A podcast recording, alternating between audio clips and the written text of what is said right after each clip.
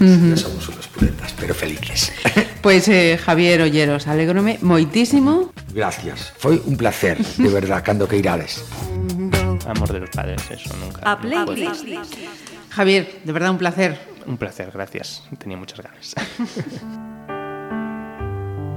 Non hai cancións de verde para dormir Non hai mistos para fundir Os pesadelos entre as sombras Que habitan as esquinas do xardín Están aquí.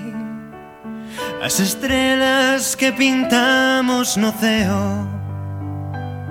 As estrelas que vimos Hola, que tal? Nos acompaña un músico pontevedrés que este mismo 3 de mayo, tal día como este, si nos estáis escuchando en el streaming, eh, va a estrenar, el, o ha estrenado, porque estamos ya casi acabando el día, el videoclip eh, de adelanto de su primer disco en solitario. Vamos a dar primero de todo en la playlist la bienvenida a quien va a poner nombre y apellidos y contenido a este programa, a este podcast. Ángel Paz. Muchas gracias. Mira, eh, ¿nombre artístico o es el que aparece en el DNI? Eh, vale, me pillaste. No, es artístico, es artístico, pero por dos razones. O sea, es, es el, el segundo apellido, o sea, es el, el, apellido de mi madre.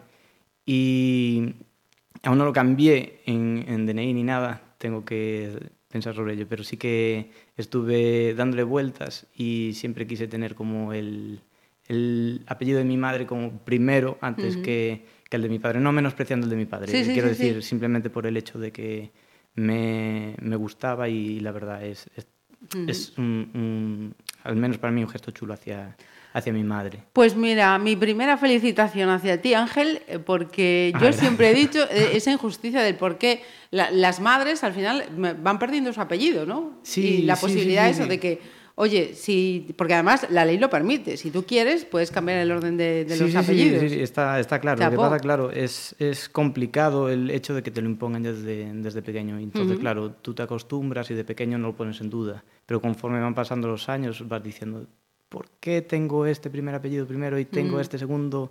Y entonces, claro, un, un, momento dado también por las circunstancias, fue en un momento en el que ya también estaba en, en Estados Unidos y para ellos la ñ es un poco más complicada mm. y claro, en todos, cuando firmaba con marcas o, o, tenía algún tipo de patrocinio con alguna marca o alguna de esas, eh, siempre se quedaban como un poco preguntando... ¿Cómo hago esto? ¿Cómo, cómo es tu apellido? ¿Cómo, ¿Cómo es esto? Y entonces dices tú, bueno, pues ahora ya sí que sí. Uh -huh. Es un poco complicado el hecho de decir, bueno, no, parece como menosprecias un apellido no, por el otro. Y, pero dije yo, bueno, uh -huh. es mucho más fácil, es algo que ya llevo años pensando y que tenía ganas de hacer, uh -huh. y así que vamos a hacer el paso y ya desde hace, ya te digo, desde 2014 o algo así que lo uso como, como artístico, ya todo el mundo, al menos en el mundillo, me llaman aquel paz. A algunos se le hace raro Ajá. no decir Acuña. Y dice, sí, los amigos te llaman Acuña. Pero claro, no, uh -huh. yo súper orgulloso de tener el nombre de mi madre y, uh -huh. que, y que, no se pierda nunca. Sí, señor. Quedaos co con estas palabras que está diciendo porque van a tener mucho que ver con, con, cuestiones y temas que vamos a ir eh, tocando en esta playlist. Mira, eh, estamos hablando con una persona muy joven, 30, 31 quizás. Déjame los 30, por favor. ¿Estás en los 30 déjame, todavía? Déjamelos disfrutar, me quedan unos meses más. Perfecto. Eh, Pontevedrés de nacimiento, pero resides aquí, vives fuera, cuéntanos. Eh, hasta los 18 años pues estuve por aquí, estuve haciendo lo que buenamente podía hasta que, bueno, luego marché para Santiago a estudiar allí unos añitos. Uh -huh. Y desde el 2011, pues nada, marché para Estados Unidos a estudiar, luego ya estuve trabajando y entre ir y venir, pues normalmente siempre, pues Pontevedra, que es tu casa, y siempre está genial para estar con la familia, que es lo que uno siempre disfruta. Uh -huh. Y nada, eh, eso, trabajando en Estados Unidos muchos años, ahora estos meses me volví en a mediados de, de, septiembre, que acabé una, la gira de Jersey Boys allí en Estados Unidos y me, me vine para, para aquí.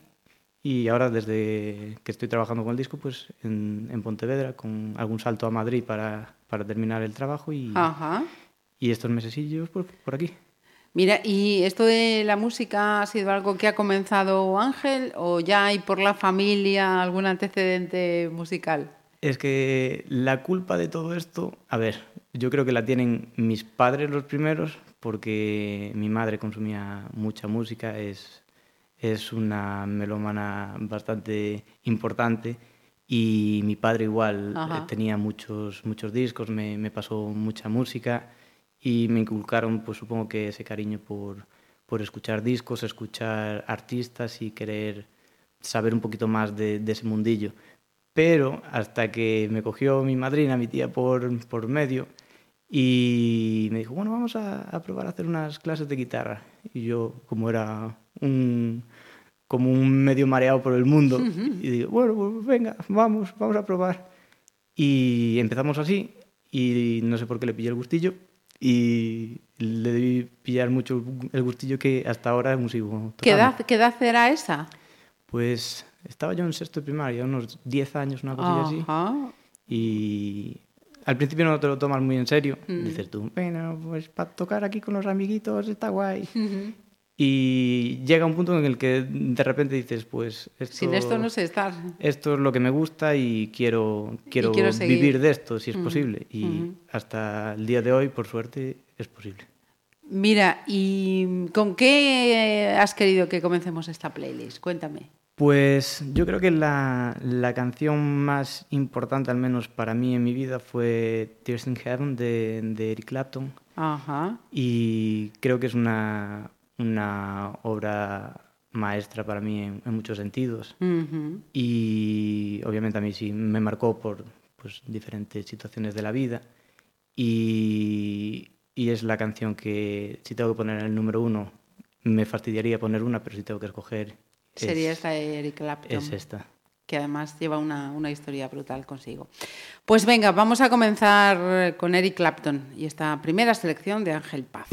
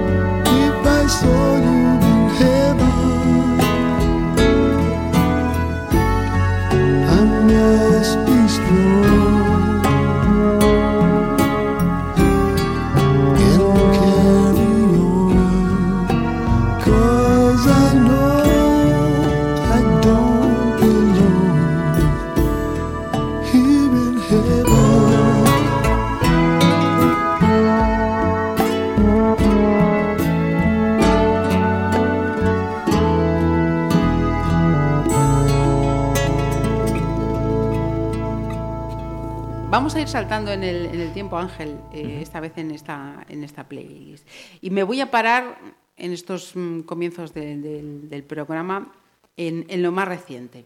Te hemos llamado aquí en Pontevedra Viva Radio eh, con motivo de este primer trabajo en solitario. Eh, ¿Cómo y, y, y, cuándo y por qué empieza este proyecto profesional que desde luego tiene que ser especialísimo para ti? Especial, sí. Para mí, no, cada, cada supongo que, que pasa con, con, todos los profesionales. Al final, cada proyecto que tienes, pues lo, lo intentas mimar y, y, le tienes un cariño especial y siempre quieres hacer lo mejor posible.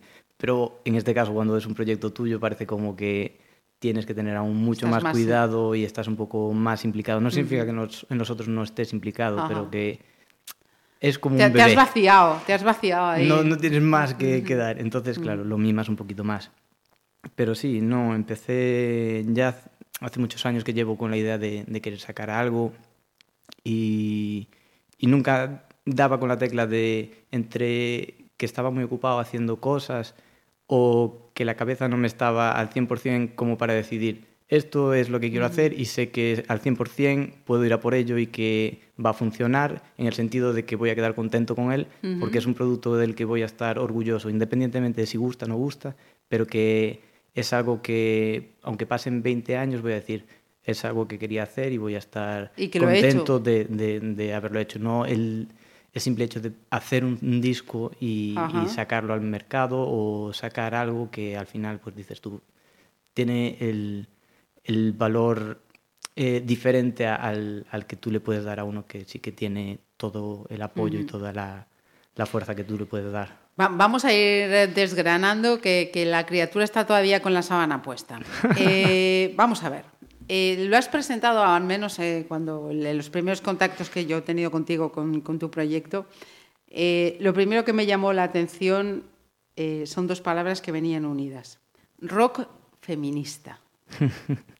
Sí, a ver, no me gusta poner etiquetas, o pero también es, es, un poco por el hecho de intentar eh, ubicar el, el, proyecto que yo estoy haciendo y reivindicar de alguna forma lo que, lo que yo quiero dar a conocer y lo que yo creo que, que tiene cierta importancia o que tiene importancia en este, en este proyecto. Entonces, el hecho de hacer rock, pues mira, eh, es un género que me gusta, pero lo que yo quería decir con con lo de feminista es el hecho de, de las letras que nosotros vamos a, a, utilizar en este disco, es decir, todo lo que ello conlleva y el significado que tiene el disco, pues que no se quede en, en simplemente letras que te, te, pueden marcar o que te pueden dar una, una solución o algo. Es decir, quería hacer algo que transmitiera lo que yo quería transmitir, y es decir, coger historias de mujeres, basándome en este caso, pues eh, gracias a Monse Fajardo en, en, Invisibles. Bien, ya acabamos de bajar un poquito más la sábana. Un poquito. y entonces, que nada, más que nada por eso, querer contar historias reales, el, todo, el, todo el disco son historias reales de, de mujeres pues, que han sufrido pues, o maltrato o algún tipo de uh -huh. discriminación machista o, bueno, más que nada, todo, uh -huh. todo, todo esto que estamos viviendo ahora mismo que no creo que sea muy bonito de escuchar en una canción, pero que tiene que ser escuchado. Es decir, a nadie le gusta escuchar que han matado a una mujer o que esta mujer ha sido maltratada uh -huh. o que esta mujer ha sido acosada o lo que o lo que sea, pero es el hecho de amigos es lo que hay, hay que escuchar esto porque es lo que está pasando y si uh -huh. no en la cultura o en el arte no no no imprimimos esto, no creo que funcione. Es decir, tenemos que hacer algo para que esto llegue al público uh -huh. y que la cultura y la música sea algo que lo apoye. Bien, antes de, de retirar de todo el, el, velo, vamos a hacer una segunda parada musical y, y ya mm, le, le, ponemos nombre y apellidos a, a esta historia. ¿Cuál ha sido tu segunda selección y qué vamos a escuchar ahora? Pues podemos escuchar Sultans of Swing de los Dire Straits, Ajá. que está esta canción, pues la verdad fue una de las que me animó a decir, oye, que se pueden hacer tal cosas tan chulas con una guitarra, así que anímate a intentarlo. Y, y me animé. Sí, señor.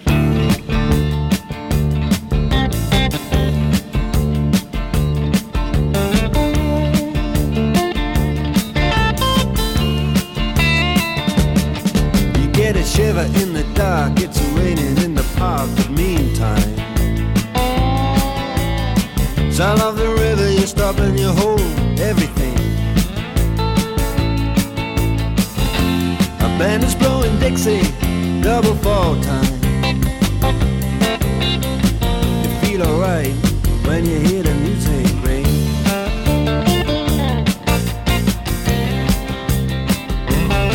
Well, now you step inside, but you don't see too many faces.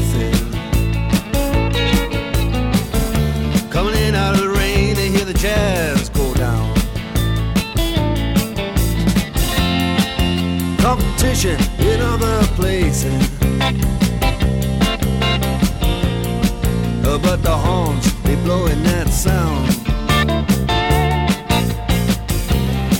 Way on down south. Way on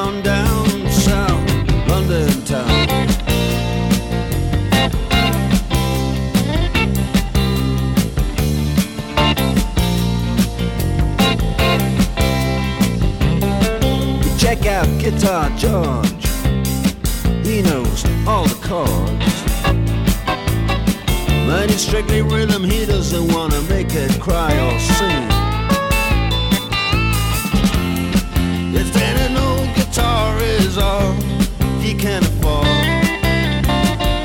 When he gets up under the lights to play his thing.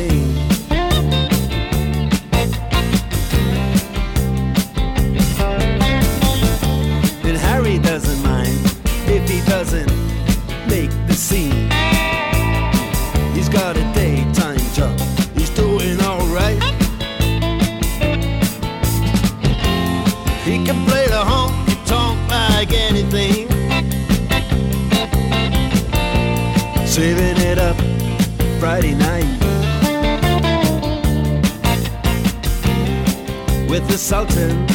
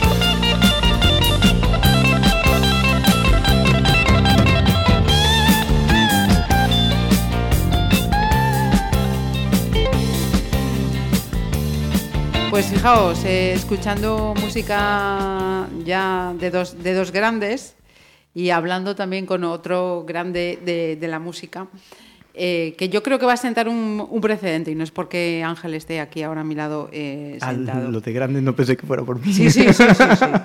pensé que hablabas de ellos. Decíamos también, te, te, te, pongo porque, porque este proyecto me, me, me gusta y lo, lo, vamos a ir eh, a, abriendo esos, esos gajitos. Él ha mencionado antes a Monse Fajardo, eh, periodista de Arousa, que hemos tenido aquí eh, en múltiples ocasiones en este estudio, se refería a esas letras que, que, que tienen un, un, reflejo, tienen nombres y apellidos. Y es que eh, para este trabajo, eh, su primer recuerdo, trabajo en, en, solitario, ha mirado directamente a ese libro de Invisibles, de, de Monse Fajardo.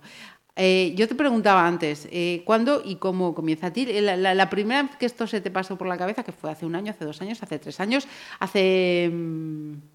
Pues mira, estaba, estaba justo en ese momento cuando ya decidí empezar todo el proyecto, pues empiezas a, a intentar hacer un croquis de todas las ideas que te van saltando a la cabeza y empiezas a notar, primero, pues obviamente por defecto de fábrica vas empezando con la música y dices, ah, pues quiero tener una orquesta de cuerda, bien ¿Lo podemos tener? Sí, venga, va. Un coro, quiero un coro, bien. Eh. Una orquesta sinfónica, uh, es un poco caro. Bueno, nos quedamos con la orquesta y con, con la orquesta de cuerda y con el coro. Y vamos a usar estos músicos, bien. Y entonces llega el problema, dice, ¿y de qué hablo? Entonces, claro, empiezo a notar todo lo que, lo que quiero decir y todo lo que creo que es importante hablar en, en un disco. Y, y, saltan diversos temas que siempre quise tratar y, y en los que estoy siempre involucrado. Y, al final llega a un punto en el que uno de los temas que yo quiero tratar siempre es el, el, feminismo y quiero hablar un poco también de la situación de las mujeres. Y por casualidad llego a Pontevedra para las vacaciones y estoy en casa de mi abuela y hablo con, con mi madrina y me dice, no, mira, eh, hay aquí un disco, un, perdón, un libro, un, un libro de, de, una chica de aquí que acaba de sacar un, un libro muy importante y tal. Yo, oh, déjalo ver. No, es que habla de. Y son historias reales de mujeres que han sido pues maltratadas, han pasado por situaciones así. Y creo que, que está interesante. Bueno, pues voy a, a echar a un vistazo, vistazo, que ya solo por, por la curiosidad de poder mm. saber de qué trata y ver cómo, cómo es todo, pues me puse a leerlo. Y al par de días de, de terminarlo, dije yo, joder, no sé si hablar con, con Monse Fajardo me da mucho palo. Yo no soy nadie, me va, me va a mandar a tomar por saco. Y dije, va, bueno, va, le escribo. Voy. Hablo con, con Monse y le digo, Monse, mira, es que estuve pensando y tengo una idea y quería grabar un disco que, que quiero, en el que quiero hablar de, de lo que tú hablas en el disco, pero yo poniéndole música y poniéndole Ajá. versos a lo que tú sí, acabas de, de, publicar hace unos meses. Y me dijo que sí, que adelante, que, que lo que necesitara y ahí en ese uh -huh. momento ya dije yo, no puede ser que me esté diciendo que sí, porque es realmente lo que, lo que quiero hacer y Ajá. poder darle voz a cada una de las historias que cuenta Monse, poder musicarlas y poder darle esa, esa perspectiva o ese punto de vista diferente al que da un libro, pues dije yo, joder, pues esta creo que es la, la, sí, la idea. Sí, señor. Eh, decía al comienzo que este viernes se ha estrenado el, el videoclip de Rostros Invisibles. Eso es eh, la semana pasada eh, ya, ya salía este, el, este el single. single. Solo el audio, sí. Uh -huh. Y no es, eh, Monse, la única conexión con este entorno en el que vivimos que tiene este trabajo. Este vídeo que hoy se estrena tiene además la presencia, la participación, el protagonismo de una actriz pontevedresa que también ha pasado por esta playlist. Dinos tú un nombre y cómo se te ocurre. La señorita Beatriz Campos. Sí, señor. es muy, muy buena, es muy buena. Y he quedado contento con el resultado del, del videoclip. Y es difícil también intentar eso, explicar con, con una sola persona, hacer un, un videoclip que, que pueda transmitir lo, lo, que transmite Bea y lo que queremos uh -huh. hacer nosotros con la, con la letra de la canción y la verdad que eso, estoy muy contento, es un, un, trabajo muy, muy importante. No tuvimos demasiado tiempo también para, para hacerlo, pero estoy, ya te digo, muy contento uh -huh. y, y bueno, por lo menos eso, darle eso, un poco de visibilidad a, al proyecto así. ¿Dónde se puede ver? pues en el canal de Bebo me informaron ya que está todo publicado, todo bien, todo ok. En Ángel Paz Bebo en YouTube se puede ver.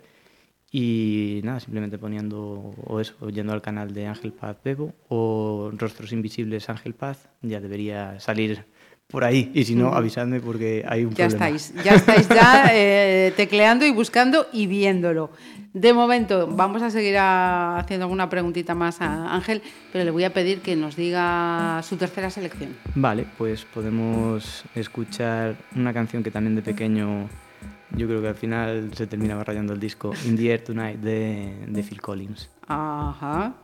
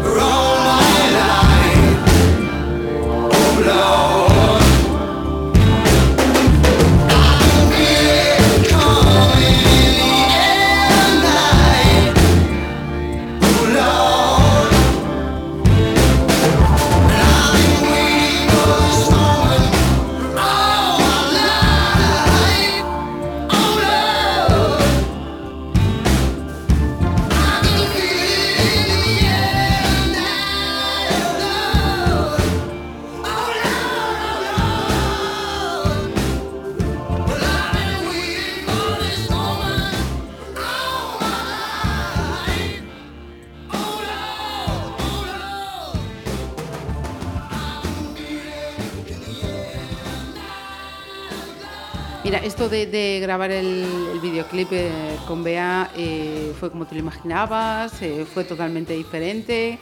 ¿Cómo, ¿Cómo fue esa parte? El problema es que yo soy músico, entonces, entonces no soy director ni tengo ni idea.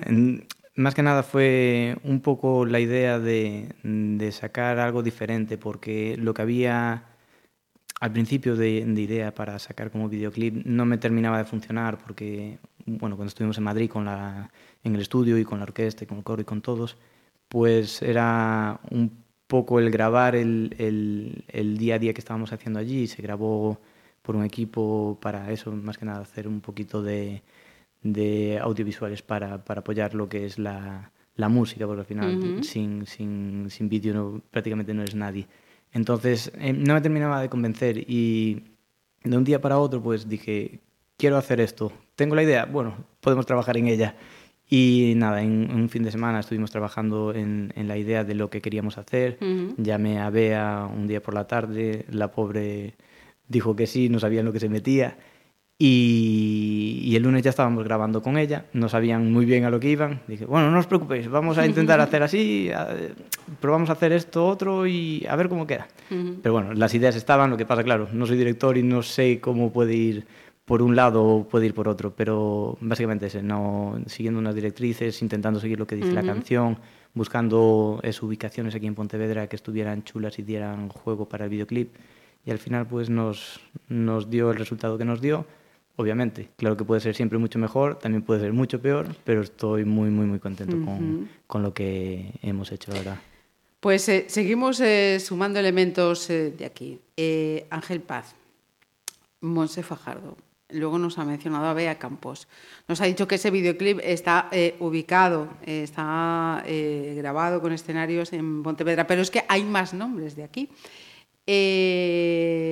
Tú compones, tú es. eres guitarrista también, y en este caso, en el de Rostros Invisibles, escuchamos una voz conocida de Pontevedra. venga, di tú el nombre. bueno, venga. Y cuéntanos por qué está aquí. Pues porque Rodrigo Valiente tiene una voz que, que, no, que no es normal. Entonces es demasiado bueno y dije yo, si se digna a trabajar conmigo para esto, pues para mí es un, honor. Y dijo que sí desde el principio, cuando estuvimos hablando de, de hacer el proyecto. Dije, quiero contar contigo para, para esto, me gustaría que, que, que, participaras, ya que si canto yo esto va a ser un desastre. y no, encantador desde el principio, como siempre. Entonces se animó a hacer el proyecto y fue ir sumando a la gente. También está Adrián Saavedra a los teclados. Eh, Venga, más nombres de los de aquí. Bueno, de aquí, de aquí, pues está eso, Rodri, está Adrián. Luego están, es que claro, al final es un equipo que eso es lo importante en, en lo que quería hacer también. Uh -huh. Quería rodearme de, de, gente, porque a Rodri y a Adrián ya los conozco desde hace años y sé que son gente que piensa como yo y que realmente quieren defender un proyecto así. Es decir, no, no todo el mundo se podría poner delante de un proyecto como el que intento defender yo. Es decir, hay gente a la que le hablas de feminismo o que quieres tratar temas como estos y te dicen, bueno, pero eh, no, no me gustaría participar entonces sé que el grupo con el que me reuní y que participaron en el disco son gente que defienden los mismos valores que yo uh -huh. y están implicados en esta causa tanto como yo. Entonces, eso, tiré de, de un grupo de, de, gente y quería que fueran al menos una, aunque suene raro y lo que yo quiera defender, y quería reunirme de un grupo de hombres que fueran los que dan visibilidad, en, en este caso, a un colectivo que normalmente siempre es el que defienden las mujeres. Es decir, yo no soy nadie para defender algo así, pero creo que es importante que nosotros también nos impliquemos en un proyecto. ¿Sabes lo que te digo. Ángel? Que hay más feminismo en lo que acabas de decir que muchos movimientos declarados como tal. No, no, simplemente digo. Sí, lo... es mi, mi modesto no, opinión, no, no, pero lo veo así. No, lo tengo que decir. No, simplemente digo lo que, lo que pienso. No sé si será porque en, desde pequeño a mí, pues obviamente me han me han criado mi, mi madre, mis tías, mi abuela, entonces siempre tengo la, la, la, referencia de una mujer como, como referencia de vida y como referencia de todo, entonces supongo que eso también es lo que ayuda a, a, a decidirte por unas cosas u otras. Uh -huh. Entonces para mí lo que igual para mí es natural, para otra persona igual no lo es. Entonces por eso te digo, es importante relacionarte y que el grupo con el que tú saques adelante un proyecto piense tanto más como tú sobre, sobre algo así. Pues no tiene mucho sentido, si no. ¿Lo has, ¿Lo has grabado en...? En Madrid, en Estudio 1. Y, ostras, y solo hablo de Rodri y, y, Adrián, al final parece que menosprecio a los demás, ¿no? No, no, no, en absoluto. También te querían por eso. Sí, sí, digo, sí, vamos a hacer justicia perdona. con todos. No, porque también, ya te digo, son, son amigos con los que ya he trabajado y conozco desde hace muchos años. Y tengo a la batería a Miguel Lamas, que es de, de Ferrol, Ujú. un fuera de serie. No porque sea mi, mi amigo, porque es un fuera de serie. Pero también. Todos son unos fuera de serie, la verdad que estoy muy contento. Luego tengo a Miki Santamaría al bajo, es, es de, de Barcelona. Ujú. Y luego tengo a, a mí mismo haciendo el gañán con la guitarra. Y está Gabriel Fernández, que estuvo ayudándome con la producción y con, con la mezcla y todas estas, estas cosillas más técnicas. Ajá. Y es, es también de, de aquí, galleguito también. Pues eh, esto cada vez, cada vez que vamos eh, descubriendo y tirando detalles eh, suena mejor. Eh, y, y eso que estáis escuchando que también suena es, es la que está cayendo. El El, día día en el que estamos eh, grabando este, este programa está cayendo la, la mundial. Son efectos que está haciendo el equipo. Mira, eh, vamos a hacer otra pausita. Sí. ¿Con qué nos vamos a ir ahora, Ángel? Pues mira, hay una canción que, que igual no, no tiene tanta relación con lo que yo trato, pero siempre sirve de referencia a alguna temática de las que usa Michael Jackson, el Earth Song de Michael Jackson.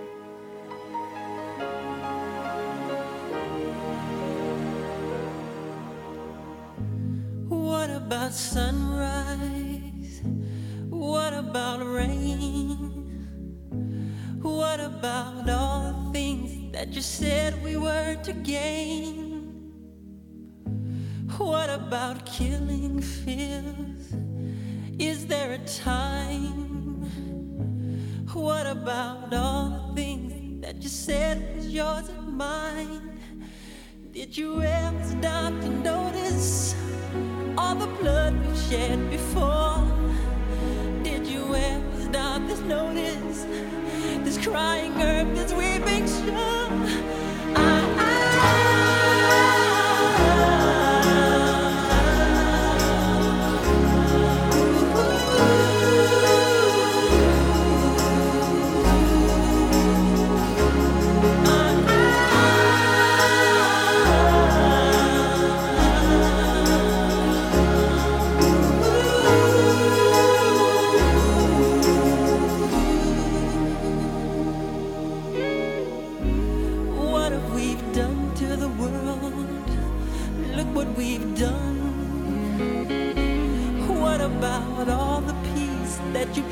your only son? What about flowering fields? Is there a time? What about all the dreams that you said was yours and mine? Did you ever stop to notice all the children dead from war? Did you ever stop to notice this crying earth, this weeping shore?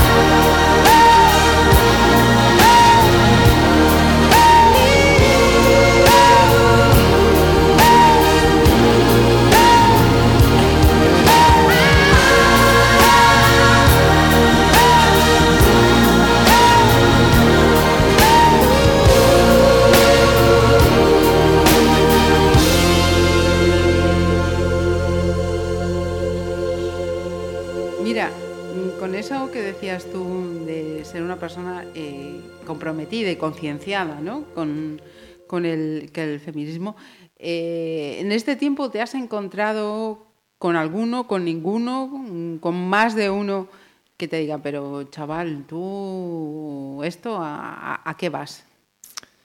Sí, sí, y también escuchar a lo mejor que sea un oportunista o que esto no, tiene sentido o lo, que tú quieras ver. Pero realmente a mí es lo que te digo, lo que hablábamos antes, el, el hecho de que yo quiero dar un mensaje y que yo sé, mi familia sé, la gente que me conoce sabe que es algo que realmente yo he estado involucrado y algo con lo que yo me identifico.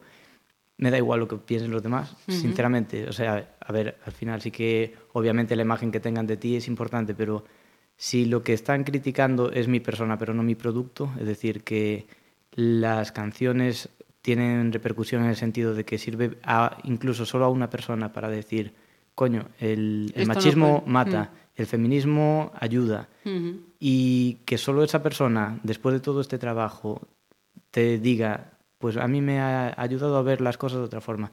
O creo que es, me ha dado a pie a pensar sobre ello. Creo que ya vale la pena de todo. Aunque luego 40.000 personas vengan a por mí y me tachen de cabrón o de lo que quieran llamarme. Es decir, mi persona, pues mi persona, yo sé cómo soy, mi familia sabe cómo soy, quienes me quieren saben lo que defiendo y que no hago esto por, por hacerlo, que tiene muchos meses de trabajo detrás y que es algo que, que defiendo y una base personal que lo sí que si no que si no lo creyera así no, no lo haría. No, no tiene sentido defender algo que en lo que no crees Mira, estábamos eh, antes eh, teniendo aquí una charla con micrófonos eh, cerrados y ha dicho Ángel, el hecho de ser musicólogo, ¿cómo suena eso? Mal. Soy musicólogo. Suena mal, suena mal. ¿Por qué? No, no, no. Suena mal porque suena demasiado serio y, y, mm. vale que sea serio, pero no creo que mm parece que como que te da un estatus de científico loco y no, no, lo soy. Loco igual sí, científico no tanto. vamos a encaminar la charla por, por esa formación de, de, musicólogo. Fijaos lo que, lo que os voy a ir diciendo. Eh, año 2009. Consigue eh, diplomarse en Santiago en Magisterio Musical. Y en 2010 resulta que aquí el chico que nos acompaña en esta playlist es el primer alumno que obtiene el diploma profesional en rock y música moderna, que cuando yo lo he visto he dicho, anda, yo no sabía que existía esto. no, ni tú ni, ni, mucha gente a lo mejor. No, es, es como te decía, es un, una acreditación, una, una como una especie de, de credibilidad a los estudios que se están haciendo de música moderna aquí en Galicia. Está la Escuela Estudio en Santiago y es la escuela que hay aquí más o menos de, de referencia en, en, el norte casi de España, podríamos decir, de eso de música moderna. Y tienen tres diplomas profesionales que no son oficiales, pero que sí dan credibilidad a lo que están haciendo en la escuela, pues tiene cierto valor. Y ahora más que le acaban de, de otorgar el título de, de conservatorio moderno, entonces ahora tienen más valor y más peso lo que, lo que han hecho allí. Y sí, no tienen esas tres especialidades, rock, eh, jazz y canto. Y cuando yo empecé a estudiar allí, dije, quiero sacar el diploma de rock. Todos me miraron un poco raro. Y dije yo, no, no, no, quiero, quiero hacer esto, es lo que me gusta. Y ahí me cogió Alberto Cereijo, el guitarrista de los Suaves. Y ah. esos cuatro años estuvimos ahí mano a mano hasta sacar el, el diploma. Y, y, nadie lo había hecho hasta ese momento y creo que sigue sin haber nadie que haya hecho el diploma especial en rock. Simplemente tocas con distorsión. pero, pero sí, sí, sí. El, Fui por allí a, a sacar eso y me dijeron, bueno, pues ya está, venga, chao. O sea que lo de profesional del rock no es una cosa cualquiera. Ahora hay un, título, que, lo pone. Hay un título que lo pone. Así que cuidadito con el presumiendo con eso de soy un profesional del rock, no, porque tenemos aquí al primer profesional del rock. Ojito al dato. No, con papel, con papel. Profesionales hay miles ya y mucho mejores que yo. Bueno, iba a hacer una pregunta, pero la tengo reservada para el, para el final, para corroborar, corroborar eso. Vale. Eh, nos vamos ya a la mitad de esta playlist. ¿Cómo me está pasando el tiempo? ¿Qué vamos rápido. a escuchar? Pues mira, hay una canción de Metallica que se llama Nothing Else Matters y esta canción pues es de estas que si no la escuchas deberías. Mira, y además nos viene con este momentazo profesional de rock estupendamente, ¿no?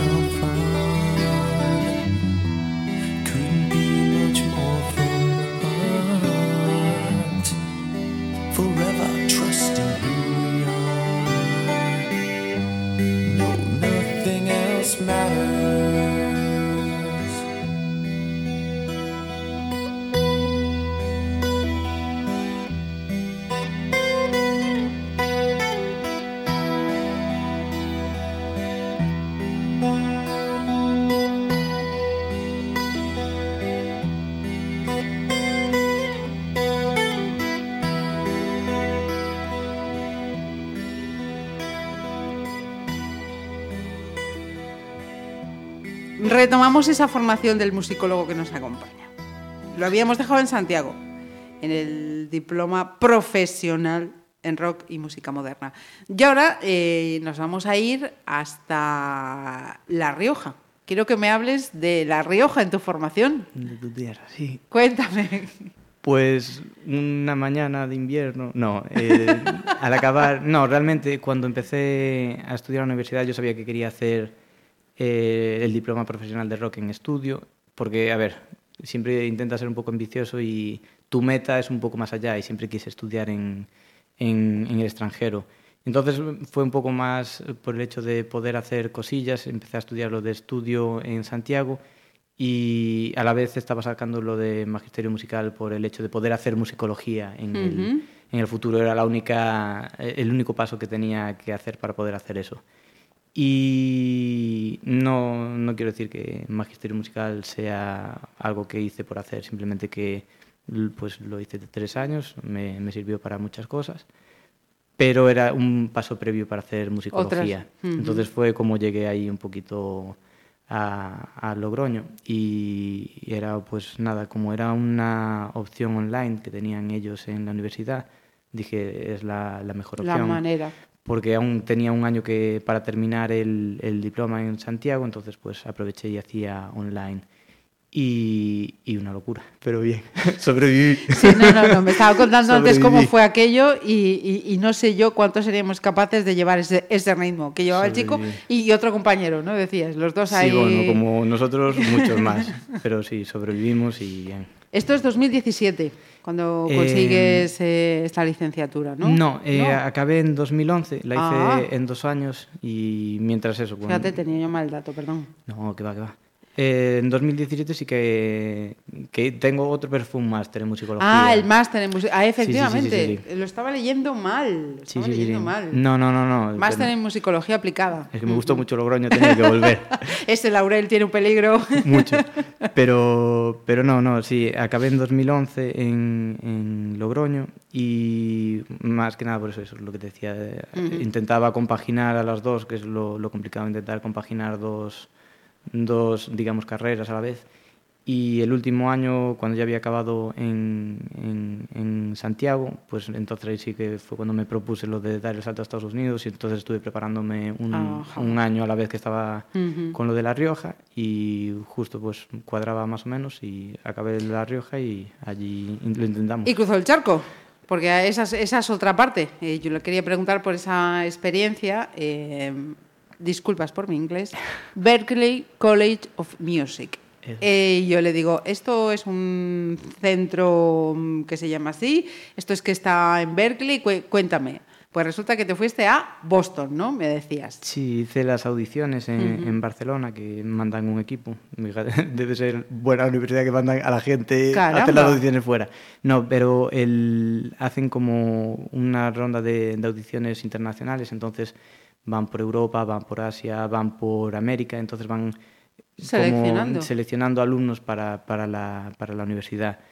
Y fui, me presenté, me dijeron, bueno, eh, ya te diremos en unos meses si estás dentro o no. Y yo. En unos meses. Sí, sí, sí. Y estábamos justo en, en Logroño haciendo un- unos exámenes y estábamos en el hotel y me llega el, el, el- el primer mail de Berkeley. Hola Ángela, mira que estás admitido en Berkeley y empiezas en septiembre. Y yo, ¡ah, no puede ser! y, y ese día no sé ni cómo hice el examen, pero sí. Y no, me, me aceptaron y en cuanto acabé el curso, bueno, cuando hice la licenciatura, cuando terminé la licenciatura, pues marché para allí y en dos añitos ah, me gradué de allí. Eh, entonces, esto fue 2000, marchas 2011 y Marché- vuelta y marché en terminas 2011 2013. y terminé en el 2013. Ajá. Y, y háblanos de esos dos años en América. Muy bien. es, otra, es otra historia. Es que, a ver, cada, cada país tiene sus cosas buenas y sus cosas malas, es lo que le digo a todo el mundo. Igual que la universidad tiene sus cosas buenas y sus cosas no tan buenas. Y, y la verdad que es una experiencia que, que no cambio por, Brutal. por nada del mundo. No, no, no, no, no. Y de hecho es eso, porque recuerdo los tiempos en que estaba aquí en, la- en la Xunqueira estudiando con los amigos y claro, yo ya estaba ahí un poco más metido en el mundo de la música y ya era cuando empezaba a hacer cosillas. Y recuerdo que en los recreos nos juntábamos para hablar y siempre salía el nombre de Berkeley, allí estudiaban todos los mejores, no sé qué, no sé cuánto. Sí, y sí. yo decía, pues yo voy a ir ahí. Pero tú, pringao, ¿qué vas a hacer allí tal? Yo, pues ahora me habéis picado, ahora voy a intentarlo. Y no, a ver, es- surgió y, y- y salen esas metas y te las propones y, y salió. Se picó. Me piqué, pues ahora voy a. Pues fijaos si se picó tanto, tanto, tanto se picó, que yo tengo aquí anotado, graduado summa cum laude. Toma, Suena, suena bonito, suena bonito. Se picó, el chico se picó. Suena bonito. No, sí, a ver, pero eso realmente es, es una forma de, de decir que acabaste, ya está. No, porque, Bueno. porque yo creo que al final, supongo que como me pasa a mí y lo, le pasa a mucha gente que, que le encanta o le apasiona lo que hace, no es lo mismo que, que enfrentarse a algo a lo que estás o por obligación o porque las circunstancias pues te llevaron hasta allí. Entonces, cuando tú haces algo que te apasiona y estás estudiando y para poder ser un profesional en el futuro en ello, pues supongo que al final, en- a la hora de... En, en el, en el ámbito académico es, es- se Mira, refleja. ¿y, y siempre has sido ese estudiante sobresaliente o fue porque aquí ya estabas con lo que te apasionaba? Eh, no fui un estudiante brillante, pero tampoco fui malo. vale. Está- estaba dándolo todo porque era, era su filón. Era sí, su filón. Sí, a ver, no, siempre en música, siempre, obviamente, siempre tienes los, l- buenas notas o Mm. Sí, tienes sí. las mejores notas hasta que te dicen, un 10 no te voy a dar porque la perfección no existe. existe. Y dices tú, vale, bien. Entonces, vale. Pero no, o sea, en un estudiante normal, supongo. Mira, me has hablado de la Xunqueira y antes de la Xunqueira, ¿dónde estudiaste? Pues mira, cuando era muy pequeñito, aquí cerquita en, en Barcelos, Ajá. que es donde haces el, el- el grupo de amigos, Tu del el- grupo. el núcleo duro, como le llamo yo. Pero luego, pues nada, como nos creo que fue en el, el cambio de ley o algo así, nos cogió que antes sí que había un poco más de, de instituto allí, Ujú. pero era acabar sexto de primaria, entonces pasabas al Valle Inclán. Entonces era, ¡ay, que vamos con los mayores! Sí. Y entonces llegabas a un instituto en lo que había gente de 18 años y llegabas tú con 11 años jugando a los Pokémon y la gente te miraba como, ¿y esto es pringao? Entonces nada, estuve ahí dos años y luego ya sí, me, Mm. me marché para, para Xunqueira. Ajá. Vamos a hacer otra pausita musical, selección de Ángel Paz. ¿Con qué nos vamos? Pues mira, ya que estábamos hablando de, de la Chunqueira, cuando, cuando tocábamos allí, porque es juntas con amigos y empiezas a tocar para los festivales y cosas de esas, Ajá. hay una canción que, que tocábamos mucho y, y- y siempre nos lo pasábamos muy bien y se llama In the End de Linkin Park. It starts with One thing, I don't know why. It doesn't even matter how hard you try. Keep that in mind. I'm designed this rhyme to explain in due time. All I know, time is a valuable thing. Watch it fly by as the pendulum swings. Watch it count down to the end of the day. The clock takes life away. It's so unreal. Didn't look out below. Watch the time go right out the window. Trying to hold on to didn't even know I wasted it all just to watch you go. Inside, and even though I tried, it all fell apart. What it meant to be will eventually be a memory of a time I tried so hard and got so far.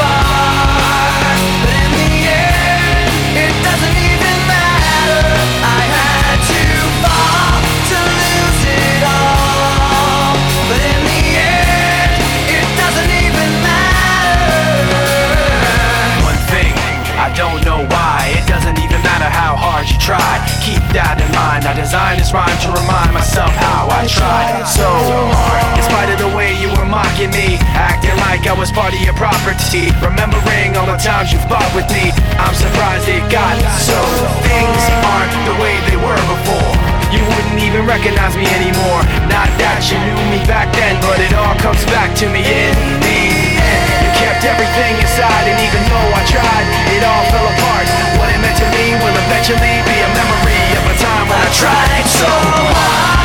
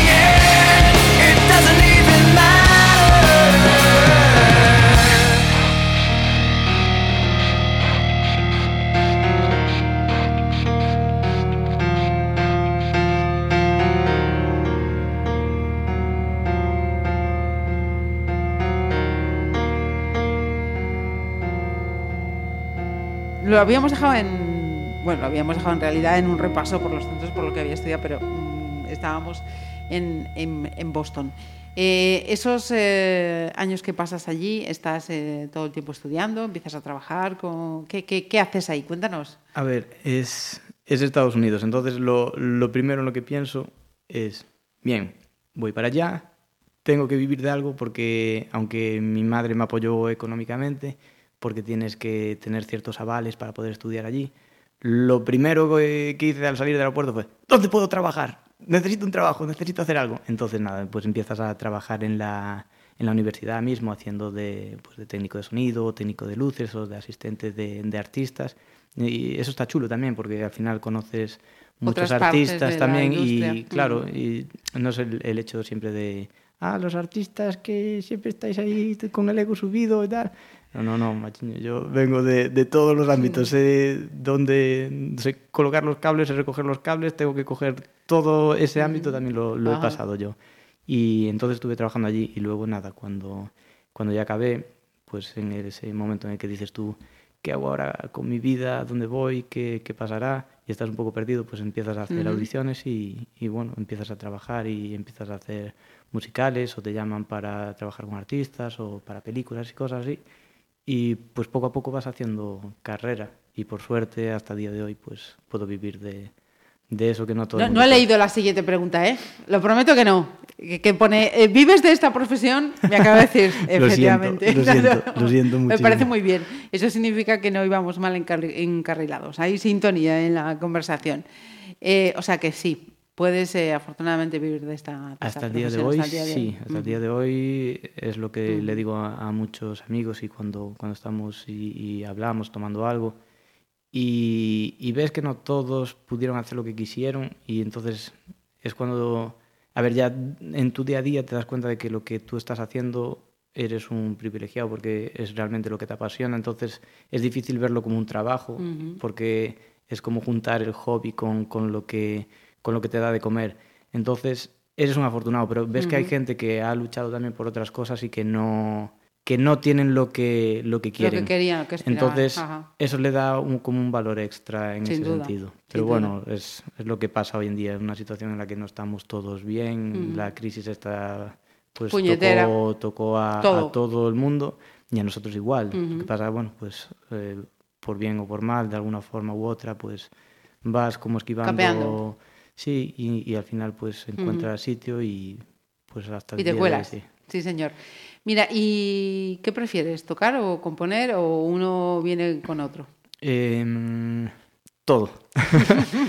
es que lo veo como dos, dos principios un poco diferentes. O sea, el tocar es el- la vidilla de poder estar comunicando con el público y estar con, con la gente, viendo su reacción y ver, ver realmente lo que pasa y estar eh, disfrutando de ese momento. La composición es como un poco más solitaria y La parte no- más intimista, ¿no? y no tienes ese feedback eh, instantáneo como si tienes en un concierto. O sea, tienes que esperar, tienes que crear, tienes que hacer tu, tu proyecto y al final, pues en un momento que vea la luz, pues alguien lo escuchará y podrás tener algún tipo de feedback. Vamos con otro tema. Venga, que Otro quiero tema. seguir sabiendo más, más, cosas de esa experiencia del musicólogo. Mm, Bueno, pues como musicólogo, no sé si te valdrá o no, pero es, o sea, es por un poco también eh, desmarcarnos un poco del, del tema rock. Hay un, un área que se llama Nessun, Nessun Dorma. Por supuesto, Puccini, por que supuesto. Es muy conocida, es muy popular, pero creo que a todo el mundo le, le transmite algo y creo que es importante que, que no se pierda. Y en la voz de alguien en particular. es que cada uno te transmite algo diferente. Escoged vosotros la que queráis, si queréis, pero si no, pues supongo que Plácido Domingo o Pavarotti. Pavarotti, si hay alguna versión por ahí que os guste más, la que queráis.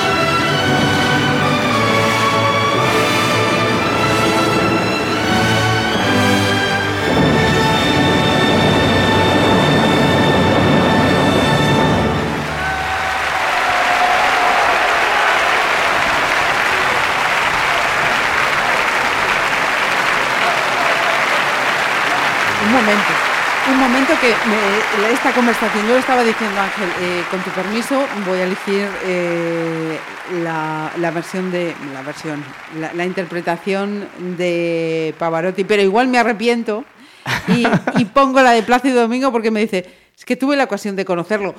Cuéntamelo. no, parece más de lo que es. No, em, recuerdo que que fue un día en el que Plácido tenía una representación y Cuadro que lo llamaron por la escuela para hacer una visita a la escuela. Y en un principio la idea era que nosotros tocáramos para él en, uno de los, de los combos en los que teníamos, porque estábamos ahí haciendo cosillas un poco diferentes de Latin Jazz y tal.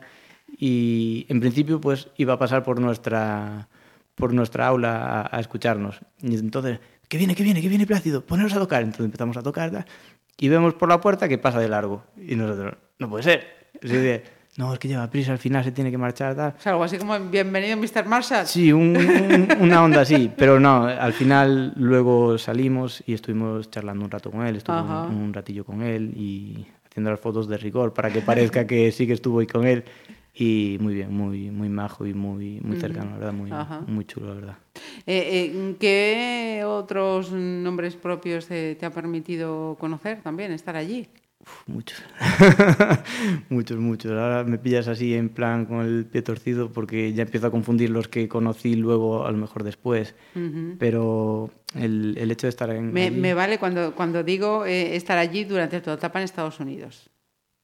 Pues hay, no sé, es que hay mucho guitarrista. El problema es que también coincidí con mucho guitarrista porque el hecho de, de, de ser mi, mi, especialidad, pues al final coincides con ellos. Estuve con Mike Stern, John Petrucci, yo qué sé, es que ahora mismo Guthrie Govan, eh, que ahora mismo no sé, Gary voy a tener Barton, que Ah, que- voy- a tener que preguntarlo luego a Google, Son nombres, nombres que a lo mejor no, no son tan habituales, pero Mm. en, en el mundo de, Sí. de- de la música sí. Mira, y, y nos hablabas de musicales y, y películas.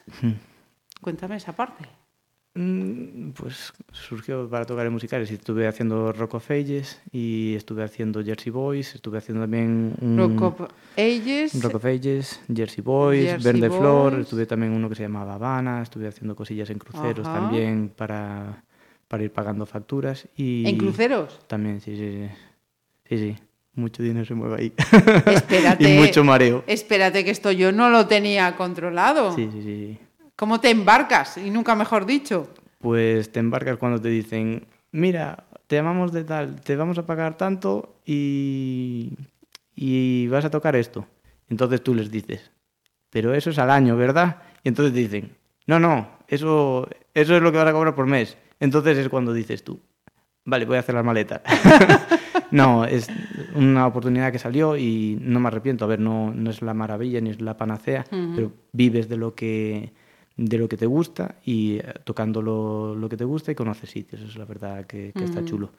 Y luego con, con las pelis, pues el hecho de haber estudiado en, en Berkeley, pues haces piña con, con el grupo de, normalmente de españoles, que por suerte, pues muchos de ellos hacían música para películas y ahora están empezando a hacer muchas cosas aquí en, en España y al final pues te llaman para, para grabar para, para sus bandas sonoras y... ¿Y, y en qué saliendo. bandas sonoras eh, has participado? Pues esto me hizo mucha gracia porque, claro, no había ido nunca a un, a un cine y recuerdo hace muchos años decirle a mi madre, oye mamá, imagínate que un día venimos al cine y sale el nombre de tu hijo ahí en los créditos. y dice, bueno, sí, no, no te flipes. No flipes, no flipes. Y entonces, el, creo que fue hace un par de meses, en enero o algo así, eh, estrenaron la película Bajo el mismo techo, Ajá. que está, ¿cómo se llama? Jordi Cruz y... Y ahora no me sale. Estoy dando súper fatal. No, no, no, en y absoluto. no, pero eh, me habían llamado para grabar para ahí y le dije a mi madre, vamos al cine. Y dije, Abu, tú también te vienes. Y estad atentos. Y entonces nada, estuvimos viendo la peli. ¿No, no suena eso? ¿Qué tal? ¡Oh, joder, tal! Mira los créditos. ¡Ostras! Entonces, la verdad, la sensación es, es chula. Es, No es de, de flipado ni nada, pero el hecho de estar ahí en, Tiene en- que serlo, vamos, en un y- y cine, de estar flipando, En un cine, claro. de repente escuchar lo que has grabado, o sea, escucharte a ti en un cine y dices, "Joder, cómo- cómo esto está, Sí, esto está señor. guay. Y nada, estar con, con tu abuela y con tu madre viendo en, en un cine. Al- el fruto de tu trabajo, en algunas cosas, con y compartiéndolo con ellos, sobre todo sabiendo que no suelen ir al cine, que Ujú. van por esa por esa ocasión en especial y ven que el nombre de su hijo y de su nieto pues, está Ujú. ahí. Aunque sea una chorrada o lo que tú veas que puede ser en el, en el momento es absoluto. es es es súper bonito. Y En ver absoluto, claro la sonrisa de tu madre el- y el- la sonrisa de tu abuela en el cine, tú, joder, vale la pena. La verdad, aunque me muera ahora, ya, ya valió toda Y la pena. no se les escapó. Ese es mi hijo, ese es mi nieto, porque vamos. No sé, no sé sé. yo cómo, cómo pudieron aguantar. Es chulo, es chulo. Son, son de esos pequeños detalles o de momentos de la vida que dices, Sí, tú, sí. joder, son los que, Los que valen. Los que valen porque los estás compartiendo con la, con la gente que quieres. Sí, señor, qué grande, qué grande. Eh, ¿Echabas de menos Pontevedra? ¿O con todas estas experiencias no te da tiempo? Sí, claro que sí. Eso, más que nada porque siempre que, que me marcho, me marcho solo. No, no me voy con Ujú. nadie. Entonces estás, pues si estás en Nueva York, estás normalmente solo, aunque tengas tus amigos. O si tienes que hacer una gira, estás solo, aunque estás con el grupo y tal. Pero, claro, es eso. No, no estar con tu familia, pasar muchos meses sin verlos y estar en, en casa con ellos siempre es, es agradable. Y... Y lo estás disfrutando ahora, claro. Sí, pero claro, es lo que le digo muchas veces. O sea, me gusta estar aquí, o sea, me encanta Pero un mi tiempito. ciudad. Claro, es lo que no igual suena mal desde fuera, no, no, pero no, no, no, yo te entiendo perfectamente. está bien para venir y desconectar unos días, pero le pasa mucha, a muchos de mis amigos. Pero tu realidad y tu mundo ahora mismo está en otro... En sí, realmente tú quieres intentar perseguir tu carrera, entonces, eh, para bien o para mal, pues aquí a día de hoy no está. Entonces está tu familia, que es lo que te trae. Si no fuera tu familia, igual es un poco diferente. Lo ves desde otra perspectiva, es más como, ah, pues voy a casa para... Voy estar a con la casa, efectivamente. Entonces estás eso, para como de vacaciones. Eso es. Eso es. Pues a este momento de vacaciones, venga, vamos a ponerle otra selección, Ángel. Pues venga, escuchamos si quieres el Sweet Child of Mine de los Guns. Guns. Uh.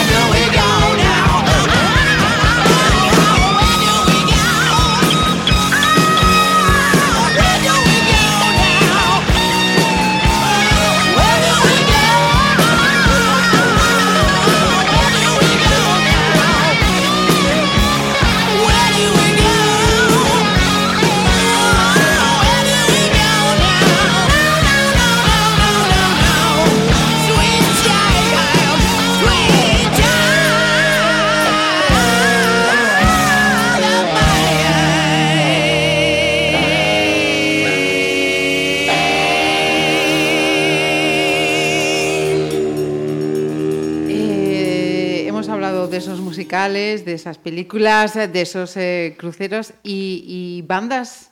Eh, ¿Por cuántas has estado o estás? Pues, no lo sé. eh, Por desgracia no por muchas. O sea, he estado haciendo cosillas, pero claro, entre, entre que luego te marchas y empiezas a hacer esas producciones o proyectos grandes es un poco más complicado tener así, tocar con, con bandas. Toqué cuando era más joven, joder, ya parece un, un- viejo hablando. No, cuando, cuando era más eh, un adolescente o cuando estabas más como empezando y estabas por aquí, pues entonces sí. ¿Te, te acuerdas cómo se llamaba la primera? Eh, me acuerdo de que al principio cuando cogía la guitarra quedaba con, con un, amigo que ahora es percusionista, la, la verdad que muy muy bueno, de música contemporánea, Pablo Paz. Y, y nos juntábamos para tocar cosillas. Y entonces a partir de ahí empiezan a salir pues ideas y nos juntamos en el instituto y al final sale la primera banda que es Freilex, que Ajá. estuvo muy divertido. O sea, ahora lo ves en perspectiva y dices tú, joder, éramos unos niñatos, no sabíamos hacer las cosas. Freilex, de Freilex, terminado en X. Sí, Ajá. sí, sí, es un, un nombre raro, pero culpa de Hugo Gando, que era el, el, el, el gaiteiro, entonces Ujú. Tenía, tenía las ideas chulas, nosotros no, no teníamos ideas. Ajá. ¿Cómo le podemos llamar? Bueno, pues los matados. pero sí, es una, una época bonita porque es la que te ayuda así un poquito a, a despegar y empezar a hacer Ajá. cosas, interactuar con, con otra gente y compartir esos Mm. momentos. Estuvo, estuvo muy chulo. Luego pues estuve aquí con bandas de Pontevedra, en su momento se llamaba 986, Sí. estuve también haciendo algunas cosillas con Malqueda. Y luego nada, eso, empiezas a marcharte y empiezas a hacer otros proyectos y no, no tienes tanto tiempo para eso. Y, y cuando te marchas, por ejemplo, ahí en los Estados Unidos, dinos algunas... Realmente estuve tocando así con, con gente, no con bandas Ajá. ni nada. Igual te llama algún artista de Nueva York y vas a tocar con él pues en Brooklyn o en algún local de jazz para ir acompañándolos. Y realmente no tuve tanta, tanta visibilidad en ese momento, o sea, no, no me moví tanto porque el hecho de que estaba trabajando y estudiando a la vez quería intentar sacar todo el rendimiento posible porque sabía que cuanto más tiempo pasara allí, más dinero iba a ser y que no, no lo podríamos soportar. En el sentido de que no es algo que... No es un sitio barato. No eres un tipo conformista. Eh, nunca lo fui, creo. Creo que nunca lo fui. Me lo dice mucho. Pero y un poco... un poco peleón. Sí, señor. ¿Y, y eres una persona que, mm, que necesita de otras personas al lado o, no te cuesta nada tampoco estar, estar solo y disfrutas de, esos momentos de, contigo? Em, decir que, que no necesito a nadie es mentir. Entonces, el hecho de que... Joder, yo he tenido la suerte de tener una familia que, que ojalá tuviera todo el mundo. Es decir, tengo una madre que me ha dado todo y más, tenía un padre que me dio todo y más, y, y eso no puede decir todo el mundo. Ujú. Y tengo unas tías y una abuela que aún me quieren más, entonces al final te ves arropado siempre. Entonces, Ajá. en el momento en que siempre pasa algo, siempre están ahí, sabes que siempre están ahí. Ujú. Pero sí que es verdad que sí que necesito mi espacio, necesito mi, mi momento para tener yo para mí, pensar, hacer mis cosas y trabajar. Si no, no, no me hubiese ido fuera. Pero claro, es lo que te digo, si habiéndome marchado, claro, obviamente quiero hacer yo mis proyectos, quiero hacer mis cosas, pero supongo que inconscientemente sabía que tenía a mi familia detrás, entonces sabía que pasara lo que pasara iba a tenerlos a ellos detrás. Que me iba bien, iban a ser los primeros que iban a estar, como hicieron al, al bajar del avión, todos con banderitas americanas en, en el aeropuerto. Y que si no lo hubiese conseguido, iban a estar igualmente allí y, y siendo Sí, los primeros en, en abrazarme. Entonces, eso supongo que es lo que también te ayuda a, Ujú. a hacer cosas. Si no, si no tuviera eso, lo que te digo, la, la familia que tengo, no, no hubiese hecho ni la cuarta parte de lo que, de lo que hice, supongo. Y, y a que igual no me equivoco mucho si digo que algunos de los momentos especiales de, de- de esa etapa americana está en ese, esa llegada al aeropuerto que acabas de mencionar. Sí, ostras, eh, sí, porque fue como un, ¡Hala! Ya está, lo, lo conseguimos, ya, ya vengo graduado, hemos conseguido lo que nos habíamos planteado desde hace muchos años y, y verlos allí orgullosos de, de que, de que hayas conseguido eso y que te vengan todos a, a, a recibir, pues un, Sí, señor. son cosas chulas. Sí, son señor. Chorradas No, en, no, en no, el, en día a día que dices tú, bueno, pues nada, es ir a recoger a una persona al aeropuerto. Eso dice también mucho de cada persona, ¿eh? Pero- de cómo se valoran esos, esos momentos. Sí, sí, sí, no, ostras. Sin duda alguna. Son cosas que no que, que se quedan y, y no se olvidan jamás. Eso lo tengo clarísimo. Desde luego. Mira, eh, vamos a. Yo siempre con vuestro permiso, hasta donde me dejéis eh, Sí. pasar. Eh, ¿Hay pareja? Sí, sí, sí, sí. Ya desde hace unos cuantos años. Ujú. y, y más feliz de una perdida. Porque es lo que te digo, es por mucho que, que quieras estar solo, tener una persona como, como la que yo tengo es, es importante porque es cuando caes es la, la persona que te levanta. Ajá. Podemos Y- hablar de la persona, como la conociste. Sí, nos vamos a poner románticos. No, de hecho, también hace, hizo cosillas aquí, es Liliana Castiñeira y fue el Ajá. premio debut en, en Esdenga en el ¿Qué 2016. me estás diciendo? Sí, señor. Es muy, muy, muy crack. Así que no... no Dos es, almas no- creativas. No es una cualquiera, no es una Dos persona almas cualquiera. creativas. Sí, sí, la verdad es que eh, tiene un potencial enorme ¿y cómo, cómo, lo, cómo lo lleváis? ¿Cómo hacéis? Pues a veces es complicado, eso sí que es verdad, a veces es, es complicado y, y lo llevas pues como, como puedes. Cuando tienes giras pues intentas llevarlo como puedes, lo que pasa que al final pues te vas acostumbrando a cómo es el ritmo de vida de, de los dos y cuando pues se puede empezar a hacer proyectos juntos o hacer cosillas pues siempre hay que tirar para adelante y hacerlo. Pero ya te digo, es complicado, siendo los, los dos en diferentes ámbitos, como es Claro. la moda y la música, es un poco complicado. Pero bueno, al menos ella también está metida en, lo- en el videoclip, tiene, tiene, puso su granito de arena, que es mucho más importante casi que el mío, con sus estilismos y con su, con su buen hacer, y, y la verdad es que...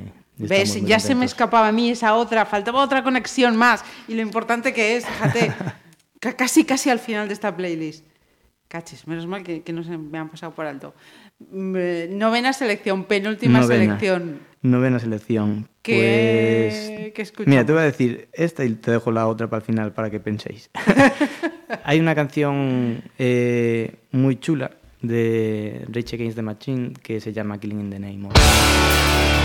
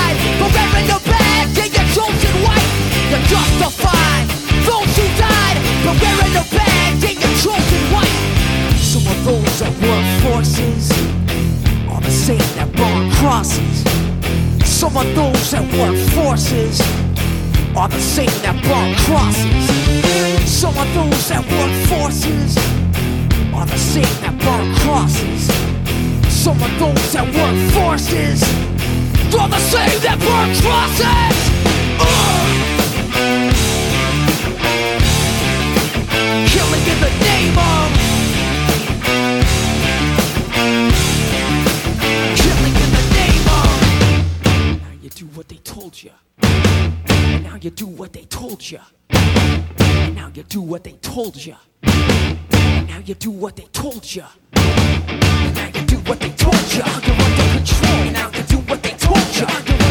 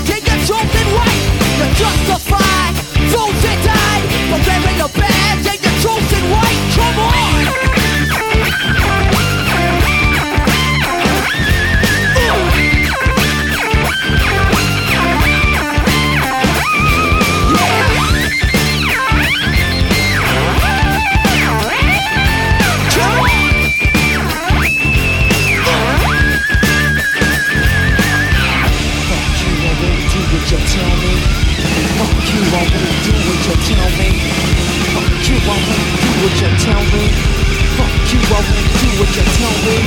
Fuck you, I won't do what you tell me. Fuck you, I won't do what you tell me. Fuck you, I won't do what you tell me. Fuck you, I won't do what you tell me. Fuck you, I won't do what you tell me. Fuck you, I won't do what you tell me. Fuck you, I won't do what you tell me. Fuck you, I won't do what you tell me. Fuck you, I won't do what you tell me.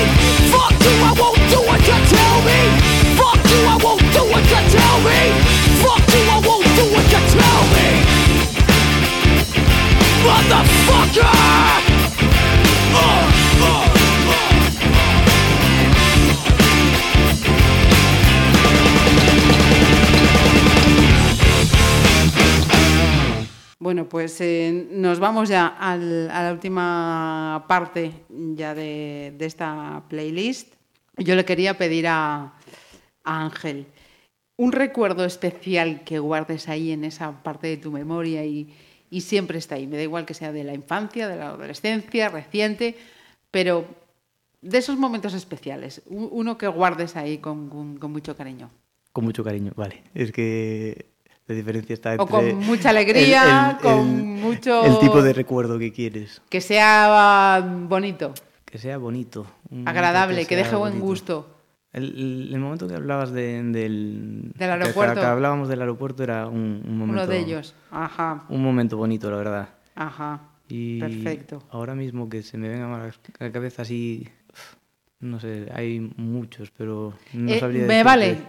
Eso, eso que acabas de decir ya me, ya, ya me vale. Hay muchos, eso es bueno. Pero es eso que, también dice. es que el problema es que con la familia y los amigos que tengo es difícil no tener un momento bonito. Esa es, suena igual un poco cursi o lo que tú quieras, pero... no, suena una persona es- con, con es- suerte. Es lo que hay. Porque la familia te viene dada. Entonces, bueno, ahí un poco margen nos queda, pero los amigos Claro, es lo que te digo. los vas o sea, eligiendo. Y si te dejan esos momentos, también es algo, es algo muy grande. Sí, a ver, y, y vas viendo que con el paso de los años, pues Ujú. Tu, tu grupo de amigos eh, de una forma se amplía, pero también se reduce, o sea, vas conociendo más gente, pero los que, los que quedan, quedan por algo y, ese apoyo es tan importante casi como, como la familia. Entonces, Mira, eh, hablábamos al principio y durante varios momentos de esta, de esta playlist de, mm, de esas eh, historias mm, a las que has puesto música. Pero, ¿a, a qué o a quién no compondrías jamás, jamás, jamás una canción? ¿A quién no compondría jamás una canción? ¿O a qué? ¿A quién o a qué? Pues a, a determinadas ideas que yo no comparta. O sea, yo no, si estoy defendiendo el feminismo, pues no puedo defender una canción machista como las que se están consumiendo hoy en día en, en masa. Creo que es, es un error que las discográficas y los artistas se pongan a hacer cosas así. Entiendo el sentido de que es vender y entiendo el negocio, que es la parte que menos me gusta, pero creo que se pueden hacer proyectos, o al menos yo intento demostrar que se pueden hacer proyectos que defiendan algo y que no, no pierdan ese sentido igual comercial o, o de mayor calidad musical. No quiero decir que mi proyecto sea un gran proyecto musical, o sea, pero por lo menos sé que uh -huh. tengo los conocimientos y la capacidad suficiente para hacer defender un proyecto que musicalmente responda, pero con un mensaje que, que es lo que te digo, lo que hablábamos desde el principio, que, que sea importante y no defender o un mensaje en el que lo primero que están defendiendo es que la mujer es un, un objeto y venga uh -huh. a que pase todo por ahí. Mira, mm, desde que vi las primeras fotos eh, de, de, tu, de, tu, web, me llamó la atención una cosa. Quiero que me hables eh, qué significa ese tatuaje. El tatuaje, pues son las líneas de la vida. No, realmente no, no tiene un significado, tendría que buscarle un significado un poco más, más chulo. No, fue que llevaba años simplemente con ganas de hacer un un tatuaje y entonces mm, cuando estaba en Nueva York a punto de venirme para... Había terminado allí unas cosillas y dije, ah, pues voy a hacerme un, un, tatuaje que tengo ganas de hacerme todo el brazo entero y, y empecé a diseñar algunas cosillas y fue con lo que me quedé. No más que nada por intentar ¿Lo has hacer... diseñado tú? Sí, no, más que nada por hacer algo un poco diferente porque siempre estoy acostumbrado a ver cosas un poco más como pegotes, entonces mm. siempre es un poco de más de lo mismo. Entonces, líneas igual representa algo un poco más diferente. Igual creo que tengo que trabajar en una excusa buena para eso y, y, llegar a la gente y decir, porque no eres ni la primera ni serás la última que nos pregunta. Entonces supongo que será ir con un significado un poco más esotérico, supongo, y decir algo. Pero cuando la gente le dices, no, son, solo son líneas. pero, pues, oye, eh, pero si algún día te sobra tiempo, igual te puedes dedicar también al diseño de tatuajes, ¿eh? No, no, no, para nada. Para llevarlo yo con vergüenza puedo. Para que lo lleven otros, no, no va a ser posible. Pero sí que... No, me apetecía hacer algo diferente. Ajá. Y a lo tonto, muchas veces te recuerdan por por esas cosas. Cuando haces algún vídeo para alguna marca o tienes que hacer algún vídeo o algunas fotos o alguna uh -huh. cosa, ah, pero tú eres, es que vi el tatuaje. Ah, es de marketing. Ah, ajá. es vale, una tontería, vale, vale, pero sí que Sí Porque, ah, y entonces ahí encuadramos lo de artista de las marcas eh, Paul Reed, eh, Two Notes, que luego estaba mirando yo, esto será de, vale, son de argumentos y diferentes eh, sí, utensilios para, para tocar. Sí, ¿no? ya te digo, cuando estaba haciendo el musical de Rock of Ages, pues empecé ahí a hacer cosillas y a hablar con con las marcas y empezaron a hacer un poco de investigación sobre mí. Eh, vamos a ver que si de verdad estás haciendo este musical, vamos a ver que si que de verdad eres quien eres y si haces algo. Entonces, nada, eh, firmé contrato con, con, esas, con esas marcas de, de uh -huh. patrocinio, pues de, de, guitarras, de amplificadores y, y, de púas, que es lo que uh -huh. normalmente usamos. entonces, eh, son mis herramientas de trabajo, entonces está, uh -huh. está bien tener un equipo decente. Bueno, pues para ir eh, terminando esta gratísima charla, eh, deciros que eh, vamos a tener ocasión de ver a Ángel Paz en Pontevedra. Sí, paseáis por Pontevedra. No, no, sí, sí. Venga, cuéntame esto. Sí, pues nada, eh, hay que presentar el disco algún día, así que el 24 de, de mayo, el viernes, en, en, la Sala Karma, estaremos allí haciendo un poquito de, de lo que sabemos hacer y esperemos eso, que, que, salga todo bien y que la gente por lo menos lo, lo disfrute, que, que, pase bien el, el, momento que esté allí y, y, que se queden con más que nada con el mensaje, uh -huh. que, lo que lo que queremos hacer es eso, poner voz a, a la gente que, que normalmente no, no se le da y, y que el trabajo que empezó Monse no se quede simplemente en, en, que la gente comparta historias tan, tan difíciles como las que compartieron en el libro. Entonces, darle una continuidad a, a todo ello creo que es tan importante como, como, lo del libro y que la gente se quede con, con eso. Chapó, ole, bravo por ti y hay que estar ahí el 24 de mayo. Ángel, ¿con qué vamos a terminar? Pues vamos a acabar con el show más gobón de, mm -hmm. de Queen y cada uno que saque sus conclusiones. Lo he dicho, un millón. No, a ti. Por alguien que quiera escuchar lo que tenemos que decir. La verdad que es un placer.